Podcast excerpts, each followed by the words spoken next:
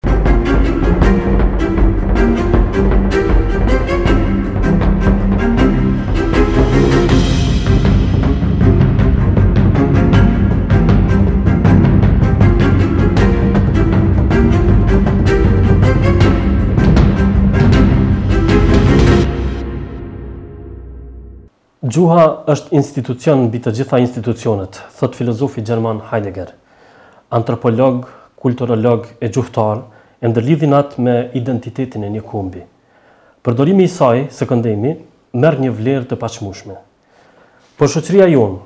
a është e vetëdijshme për peshën e këtij mjeti? Sa i kushtojmë rëndësi ne gjuhës në jetën private e publike? gjatë përdorimit, a është bastarduar ajo sikundër pretendojnë disa puritanë, a është pasuruar apo varfruar, a është rikthyer në skenë gegnishtja,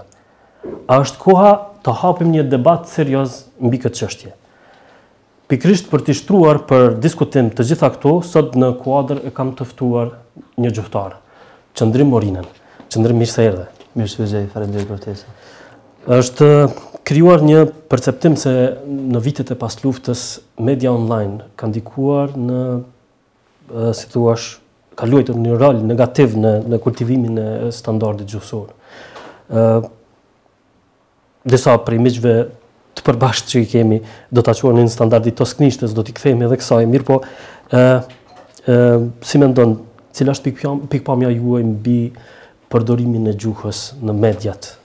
online. Mirë, atëherë duhet të sqarojmë së pari se çka është gjuha dhe nga vjen gjuha dhe si ndahet gjuha. Ë gjuha standarde, gjuhët standarde janë një fryt i ndërhyrjes së drejtpërdrejtë për arsye të caktuara në kohë të caktuara dhe është një variant, një varietet apo një formë e shprehjes së gjuhës. Pra, gjuha standarde nuk nuk është tërësisht gjuha, është vetëm një formë e shprehjes së gjuhës dhe ajo siç e dimë shprehet apo përdoret në disa domene publike, këtë rast në medie, në administratë, në institucione publike kështu me radhë, ndërsa në fusha të tjera i është lënë që të flitet dhe të shkruhet lirshëm në dialektin secili nga vjen. Sa i përket pyetjes suaj, a dëmton mediat gjuhën standarde apo gjuha standarde mediat, në fakt në një studim të bërë kohë më parë të titulluar se a e prish interneti gjuhën standarde, patëm ardhur në përfundim që interneti nuk është mjet prishës i gjuhës standarde dhe i varietetit standard, sepse në fakt gjuha nuk prishet, mund të degradohet, mund të mos përdoren forma të caktuara drejt, por gjuha, gjuhë që prishet nuk ka. Pra, Gjuha standarde ka një ndikim shumë të madh në në zhvillimin e internetit dhe zhvillimi i internetit ka një ndikim shumë të madh në zhvillimin e gjuhës, ë veçanërisht, për shkak se ë por sa i përket asaj se nuk e prish interneti gjuhën shqipe, gjuhën standarde në këtë rast, por vetëm është një pasqyrë e mirë për të parë, për të reflektuar se në çfarë shkalle, në çfarë niveli është gjuha shqipe, në këtë rast gjuha standarde si varianti i përpunun, dhe i kodifikum në vitet e një mijë e nëntëqind e shtatëdhjetë e dy në Tiranë në Kongresin e Drejtshkrimit. Ëm sa e kjo pasqyrë çka tregon? Sa është sa e kultivojmë, sa drejt e kultivojmë në në gjuhën? Në fakt kjo pasqyrë thot shumë, thot për një degradim goxha të madh të shqipes standarde dhe të shqip, kur themi të shqipes standarde, E kemi fjalën për kodifikimin dhe për përdorimin e formave të sakta gramatikore, sepse edhe dikush që nuk përdor forma të sakta gramatikore nuk është që nuk flet shqip ose nuk shkruan shqip, por kur sepse gjuha është konvencionale, është marrëveshje dhe nëse jemi marrë vesh që të përdorim një formë të caktuar gramatikore dhe pastaj çdo devijim jashtë kësaj forme gramatikore konsiderohet si shkelje e gjuhësore, ndërsa sa i përket anës pragmatike,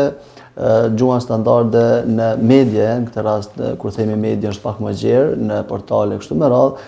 nuk qëndron mirë për shkak të zotërimit të ulët të, të fushës gjuhësore dhe kjo në fakt gjuha standarde në këtë rast vjen prej disa faktorëve. E para është përndarja dialektore, ku ne jemi gegfolës dhe ballafaqohemi me me atë që në shtëpi flasim në dialekt ndërsa në domene të tjera publike na duhet të flasim në gjuhën standarde. Si pjesë e dytë e e ndryshimeve është leximi i pamjaftueshëm, kur brezat tanë të rinj dhe të jo të rinj në fakt kanë një mungesë të leximit dhe kjo domosdoshmërisht çon edhe në shkrimin jo të saktë të formave gramatikore dhe një ndikim shumë të madh është edhe domeni të cilin folëm edhe më herët mediat apo rrjetet sociale të cilat në një farë forme po e po e degradojnë ose po krijojnë një farë standardi paralel të kombinimit të formave gramatikore, jogramatikore dhe një farë kombinimi mes asaj që quhet standard dhe mes asaj që quhet dialektor. Sigurisht, Kjo është një formë jo formale e të komunikuarit, nuk është që ne duhet të gjykojmë se si shkruajmë në rrjetet tona sociale, por në fakt po jep një farë pasqyre se si e kemi shqipen standarde dhe sa e dimë dhe si e dimë ta përdorim. Ë kam përshtypjen edhe ju vetë keni reaguar. Ë para pak kohësh organizata Orka nxori një sipas gjeturave të saj nxori një konstatim që 76% e nxënësve të Kosovës, domethënë nuk dinë të lexojnë. Ky konstatim, domethënë, siç thashë, e, e nxiti dhe një reagim publik nga ana juaj. A, a do të thotë kjo që sistemi ynë arsimor ka dështu në këtë farë lloj plani? Në fakt, sistemi ynë arsimor mund të themi edhe që ka dështu, por dështimi më i madh është keqinterpretimi që ia bëjmë rezultateve të PISA-s. Rezultatet e PISA-s kanë thënë që Kosova radhitet në vendet e fundit për nga cilësia dhe në fakt ky konstatim i organizatës Orka nuk qëndron sepse 76% nuk është që nuk dinë të lexojnë, nxënësit tanë dinë të lexojnë. Por ajo që është telashe dhe është problematikë e madhe te nxënësit tanë është të kuptuarit e, e, e gjërave. Domethënë nxënësit tanë në PISA kanë dështuar për shkak jo që nuk kanë ditur të lexojnë, por që nuk kanë ditur të interpretojnë atë që po lexojnë. Nuk kanë ditur të mendojnë në formë kritike, në mënyrë kritike, dhe kjo ka disa disa disa pasoja, disa rrjedha se si ka ardhur deri këtu. E para është e, profesionalizmi i mësuesve, ku mësuesit ende nëpër shkolla fillore i i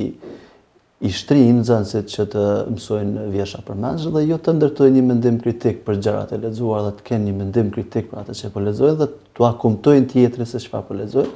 Ë dhe në këtë formë kemi një një rrymë zinxhirore deri në këtë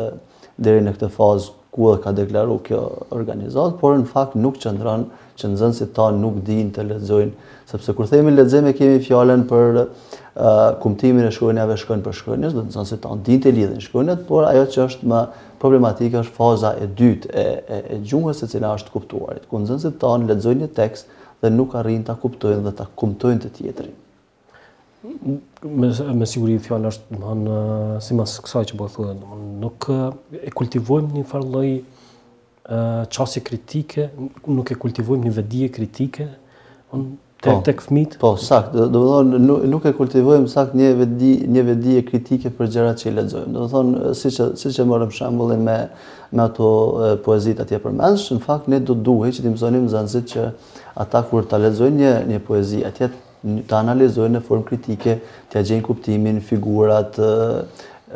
ku ta di unë atje, ndërsa jo të mësohet përmend siç është atje një një një vjershë shumë e gjatë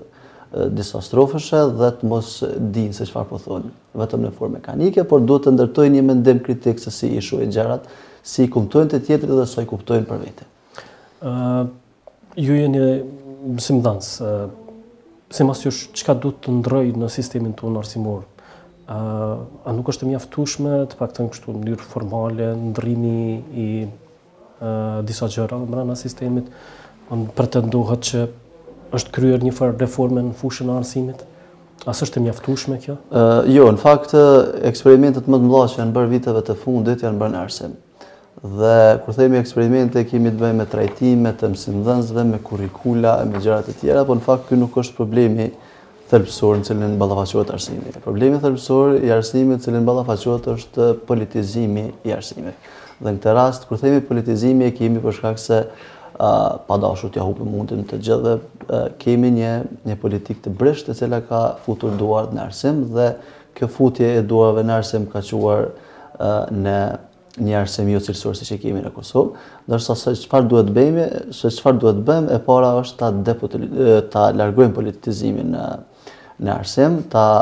të fusim njerëz profesionalë, sepse profesionalizmi i mësuesve është gjëja parësore e cili do të arrijë që të depërtojë drejtpërdrejt te nxënësit. Dhe në fakt kjo është gjëja kryesore dhe t'i lëmë eksperimentet me arsim, po Të krijojmë dhe të formojmë njerëz, të sjellim njerëz profesionalë në arsim të cilët do të arrijnë të bëjnë ndryshime tek nxënësit. E di para disa vitesh disa gjuhëtarë prej Kosovës dhe Shqipërisë me iniciativën e instituteve albanologjike në Prishtinë në Tiranë kanë hapur diskutimin për gjuhën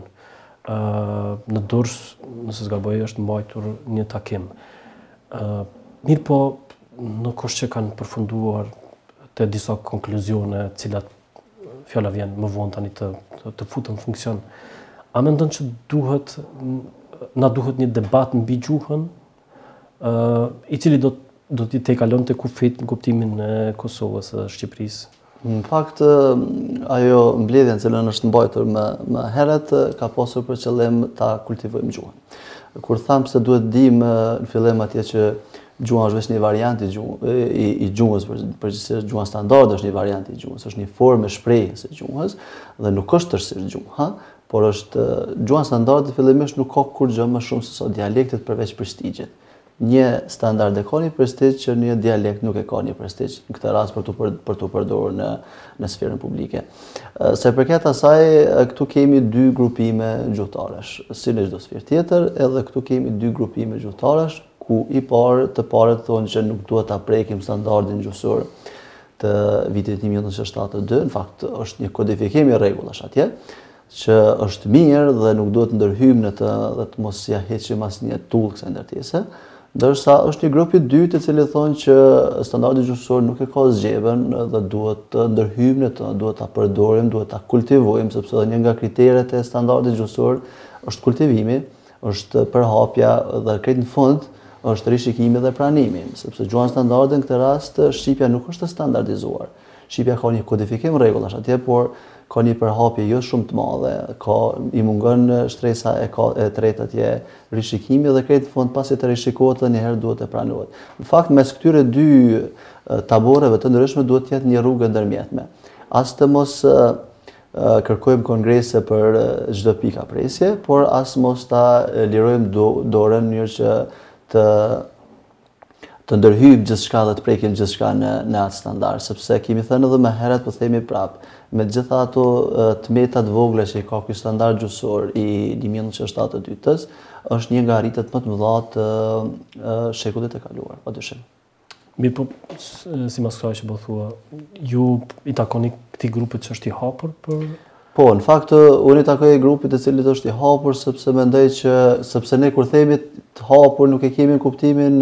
ta rrëzojmë standardin aktual, absolutisht, por ta tentojmë ta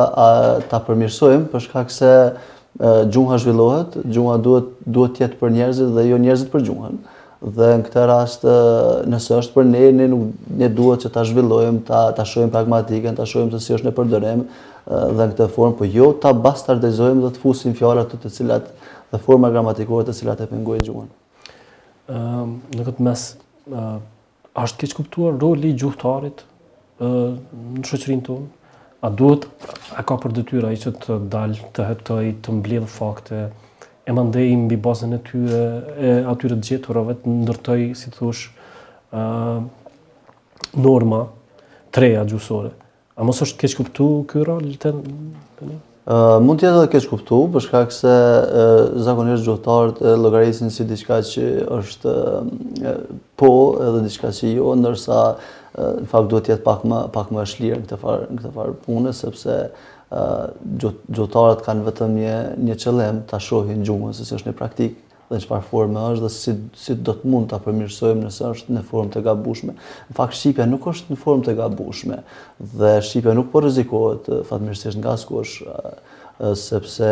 po ka një një një përdorim shumë të madh të gjuhës angleze, mirëpo gjuhës angleze nuk po mundet t'i përballojë as gjuhët më të mëdha siç është gjermanishtja e të tjera, e lëre më shqipja me 42 mijë fjalë sa i ka. Ajo që është e mirë dhe që duhet të bëjnë gjuhëtarët, që në fakt nuk jemi duke e bërë, është fjalët e cilat i kemi në fjalor t'i rifunksionalizojmë edhe një herë, që t'i fusim në funksion të ri, sepse shqipja me këtë fjalës që ka është relativisht e varfër. rreth 10% ka fjalë latente të cilat janë në fjalor dhe nuk përdoren asnjëherë. Dhe ka një pjesë të tjera të cilat përdoren por nuk janë në fjalor. Fjalori i cili parashihet të dalë në 2024-ën si bashkëpunim i Institutit Albanologjik dhe Akademisë së Shkencave të Shqipërisë, parashtrohet të ketë një numër shumë të madh të fjalëve, ndër të cilat do të tentohet që të përfshihen të gjitha fushave. Pra, Shqipja ka një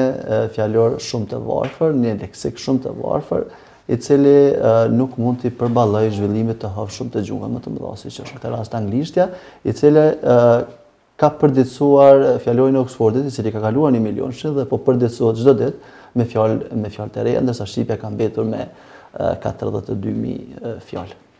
Veç gjuhëtarëve, kush mund të ndihmojë në këtë aspekt? Në fakt, ata që duhet të ndihmojnë më së shumti dhe edhe më shumë se gjuhëtarët, sepse siç thamë gjuhëtarët duhet të merren me pragmatikën e gjuhës, se si është gjuha, janë shkrimtarët. Shkrimtarët janë ata të cilët e pasurojnë gjuhën, të cilët formojnë fjalët e reja për gjuhën dhe për ata që i lexojnë. Dhe në këtë rast barra ndoshta më e madhe si në Kosovë, si çdokund ku flitet shqip, është e shkrimtarëve, në mënyrë që presim prej tyre që të krijojnë fjalë shqipe të cilat kanë burim shqip dhe mund të përdoren lehtas në në shkrimet tona. Besoj edhe në Kosovë, po dhe në Shqipëri, ka mjaft autorë emra të rinj që vijnë, bile kalojnë edhe kufijtë në kuptimin e, e njohjes. Mirëpo nuk janë në qendër të vëmendjes. Domethënë shoqëria jonë ende është në një farë lufte në kuptimin për me ndërtu sistem të ri të vlerave. ku roli i shkrimtarëve ndoshta në këtë aspekt ë zbehet ndikimi i tyre në opinion publik është modest. Në fakt si në çdo fushë tjetër, edhe në fushën e gjuhës dhe letërsisë nuk nuk shkojnë gjërat siç duhet, nuk shkojnë gjërat sipas rëndësisë dhe sipas vlerave që kanë mund të shkojnë nëpërmjet grupeve apo nëpërmjet klanesh, Në fakt nuk duhet të jetë kështu sepse ne mund t'i bëjmë mirë çdokujt, por jo zhvillimit të gjuhës dhe në këtë rast të letërsisë dhe pasurimit të fjalës së shqipes, por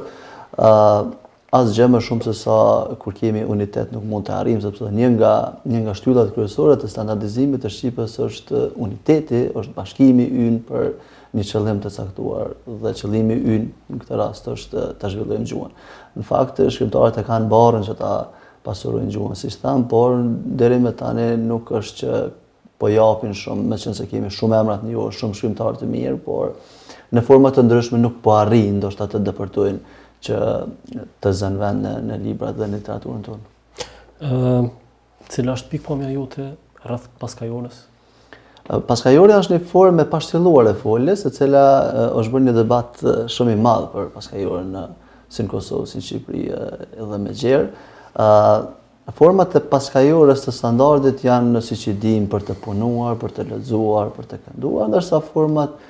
sepse dallimi këtu debati është zhvilluar mes paskajores së standardit, e cila afrohet me paskajoren e toskërishtes, Dhe paskajores gegërishtes që në këtë rast ne e përdorim nëpër shoqëri, nëpër familjet tona si me punu, me këndu e kështu me radhë. Ajo që është kur kur them përmirësim, në fakt në tund ndoshta do të mund të zënte vend paskajorja për shkak se paskajorja gege është absorbim i gjitha vetat. Kur themi me punu, e kemi një farë absorbim, një farë përmbledhje të gjitha vetave, për dallim prej për të punuar i cili është një farë zbehje. Por, një gjë duhet ta dallojmë që gjerisa nuk ka një kongres të ri, gjerisa nuk ka një marrëveshje të re sepse gjuha është me marrëveshje sipas Sosyrit atje te arbitrariteti, ë nuk ne duhet ta përdorim formën standarde për të punuar. A këtë rast paskajorja gege do ta ndihmonte shumë edhe edhe përdorimin më të saktë, më të drejtë, sepse unë kam vërejtur te nxënësit kur ata në shtëpi të tyre e përdorin si me punu, me lexu e kështu me radhë, ndërsa kur vijnë në shkollë detyrohen që ta përdorin për të punuar, për të kënduar dhe në këtë rast ata krijojnë një farë uh, dysi mendimesh kur dëshirojnë të formulojnë fjali, a ta përdorin formën gege apo formën uh, standard. Dhe në këtë rast uh, i ikin përgjigjes për cilat ata pyeten dhe uh, krijohet një farë dysie në në mendjen në mendjen tonë dhe në mendjen e tyre dhe në këtë rast gjuha nuk e ka këtë funksion. Gjuha ka funksionin që ta ta lirojë uh, lexuesin ta lirojë folësin që të ndihet rahat kur flet dhe jo të krijojë mjegull në trurin e tij se duhet kjo formë apo duhet kjo formë tjetër. Dhe pikërisht në këtë në këtë rrafsh ne duhet të bëjmë që gjuhën ta zhvillojmë, të fusim fjalë të reja, format më të sakta të cilat rregullat e gjuhës standarde në këtë rast ka shumë përjashtime, pastaj ato përjashtime bëhen shumë shpesh herë rregulla, kështu me radhë, domethënë ka të lashta pak gramatika e shqipës, por ë mbi të gjitha mbetet si një si një shtyllë shumë e fortë e zhvillimit të gjuhës. ë kam dëgjuar disa prej gjuhëtarëve që i takon asaj klasës ë që refuzojnë me çdo kusht ta hapin diskutimin rreth standardit gjuhësor, të cilët i frigohen përfshirjes së paskajorës në standard me justifikimin, me arsyen se ajo mund t'i prish strukturat e saj? Jo, në fakt, paskajorja gege mund ta kenë frikën ata, po. sepse nuk e di mbi çfarë baze, por në fakt, paskajorja gege nuk e prish standardin e shqipës, përkundrazi, do ta lehtësonte përdorimin më të më të shpejtë dhe nuk do të krijonte dysi mendimesh se cilën ta përdorim, por shumë shumë shpejt do të përpunonte fjalët lexuesi dhe në këtë rast jo të gjithë ata që thonë një gjë të tillë është qasje shumë e gabueshme sepse paskajorja gege është një pasuri në fakt, është pasuri në veten cilën e kemi ne sepse e, e zvogëlon fjalësin e, e folësit, e zvogëlon mendimin e folësit sepse Kur themi ne atje për të punuar, në fakt ne kur themi te paskajorja, e kemi edhe pjesoren e shkurtuar. Në vend që të themi punuar, themi punu, më shkurt, më sakt. Por edhe njëherë, siç thamë, kjo paskajore gege nëse futet, eventualisht nëse futet, kurdo që të bëhet, nuk e dëmton gjuhën, përkundrazi e pasuron. Por derisa nuk kemi një marrëveshje të tillë mes gjuhëtarëve, mbetet paskajorja që e kemi. Domethënë kjo, sa nga e ekonomizon në njëfarë mënyre gjuhën, nuk e nuk e varfron. Jo, absolutisht. Po për ta ndërmarrë këtë hap duhet një vullnet politik. Ëm sa sheh vullnet politik te klasa aktuale politike në njëfarë mënyre te politikat e tyre rreth kulturës. Mm. Këtu në Shqipëri, mm. për, për, t'i ndërmarrë këto... Në fakt, në fakt nuk shohim kurrfarë, kurrfarë instance që ata kanë me do të veprojnë lidhur me këtë çështje, sepse vite me, vite më parë disa profesorë i kanë pas dërguar letër kryeministrit të Shqipërisë Edi Rama për ta mbrojtur standardin gjuhësor me një ligj të caktuar në cilin Të gjithë ata që përdorin forma jashtë standardit do të penalizoheshin. Në fakt ka qenë një qasje jo fort e mirë, sepse te fundi i fundit edhe nëse gabojmë, nëse përdorim forma gramatikore, na prapëseprapë jemi shqipfolës dhe nuk kemi faj që jemi shqipfolës. Tash sa u përket institucioneve tona shtetërore, kam përshtypje që nuk janë duke bërë asgjë për gjuhën, nuk janë duke ndërmarrë asgjë për gjuhën, sepse nuk dinë asgjë për gjuhën. për dallim aty këtu që mund të jetë ndonjë. Të gjitha, siç thamë edhe më herët, të gjitha ato iniciativa që i kanë marrë, qoftë në arsim, eksperimente, qoftë dikun, gjithmonë kanë qenë të gabushme. Gjithmonë kanë marrë modele të huaja pa e vlerësuar gjendjen e brendshme këtu siç e kemi në Kosovë. Ne tentojmë të zhvillojmë metoda teknika të avancuara në arsim, kur ende kemi telashe me me me me markera apo me tabela. Do të thotë ne duhet të zhvillojmë, duhet të të ecim si i kemi punët. Dhe në këtë rast ne si nga gjuha, si nga arsimi nuk i kemi punët mirë. Ndërsa sa i përket shtetit, shteti është duke bërë gjithçka vetëm për gjuhën nuk është duke bërë asgjë. Ëh, sa keni pasur rastin të përcjellni zhvillimet letrare njëfarë mënyre ëh Si e shihni njëfarë mënyre një shpërthim të gegënishtes në literaturë tek ne? Edhe në Shqipëri ka një numër autorësh që veç standardit njëfarë mënyre e kultivojnë edhe gegënishten? Në fakt o shumë e mirë, sepse secili prej shkrimtarëve, të gjithë ata që janë shkrimtarë, shprehet në formën në cilën e gjen veten. Dhe pastaj të cilën e gjen veten dhe e gjen lexuesin e tij, sepse ka prej autorëve të cilët kur lexojnë diçka gegnisht ju kënaqet shpirti, ndërsa kur lexojnë diçka toskërisht ju duket si më e thatë, si më e si më e zbehtë, si më si më jo natyrale.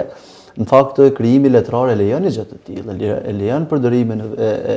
e gegnishtes në këtë rast, karshi toskërishtes, sepse shpeshherë shpërthimi i brendshëm në gegnisht është më i fortë, është më, është më natural, është më burimor, sesa duke përdorur forma forma gramatikore dhe në këtë rast nuk ka diçka shumë, nuk ka asgjë të keqe në fakt që përkundrazi, siç thashë gegnishtja është një pasuri në veti dhe kurdo që është bërë standardi gjuhësor atje në, në kohën që është bërë, siç e dimë, uh, sado që mendojmë që anon, anon nga toskërishtja që në fakt anon, kurdo që do të mbahet një kongres i, i ri drejtshkrimi do të duhej që të ketë një, një ndërlidhje mes gegnishtes e toskërishtes, sepse toskërishtja është një pasuri në vete dhe duhet pa tjetë që format e saj të gjejnë vend në, në një standard të tillë. Ndoshta varianti i Elbasanishtes nuk ka qenë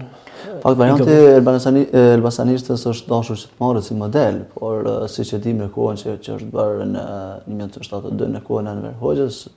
duke mbizotruar më shumë favorizimi i elitave politike si konspiracion atje, më shumë mbizotrej ky konspiracion i elitave politike se sa argumenti shkencor. Ja vërtet, Le t'i kthehemi edhe një herë çështjes së ndikimit të medias në opinionin publik. Pak më parë thamë që në opinionin publik prodhimtaria letrare, nëse mund ta quajmë kështu, është larg vëmendjes. Ë ndikimi është më i madh i i medias, sidomos medias online. Të cilat, se e di që janë marrë me këtë lloj Hetimi keni keni kryer hulumtim. Cilat janë gabimet që na shpërfaqen më shpesh në kuptimin e përdorimit? Në fakt gabimet gjuhësore të cilat bëhen shumë janë të panumërta dhe kur themi gabime gjuhësore është kur e përdorin një formë jo gramatikore karshi asaj të saktës që është gramatikore dhe ne kemi shumë shumë përdorime të tilla, por ajo që është më e dhimbshmja sepse zakonisht ne kur i marrim mediat në këtë rast dhe rrjetet sociale siç është Facebooku, sepse siç e dimë Facebooku është bërë një medium, është një pasqyrë shumë e mirë e paraqitjes reale në këtë rast të gjuhës, është kur gabimet drejtshkrimore në këtë rast gjuhësore bëhen prej njerëzve me arsimim të lartë, kur arrin të përfundojnë një në një fakultet të caktuar edhe të marrin diplomë dhe nuk mjaftohen me fushën e tyre studimore të ngushtë dhe gjuhën thuajse e, e, e lën anash dhe vetëm kur iu nevojitet një gjë e tillë. Kjo shumë shumë më e dhimbshme është kur kemi gabime gjuhësore dhe gramatikore në këtë rast te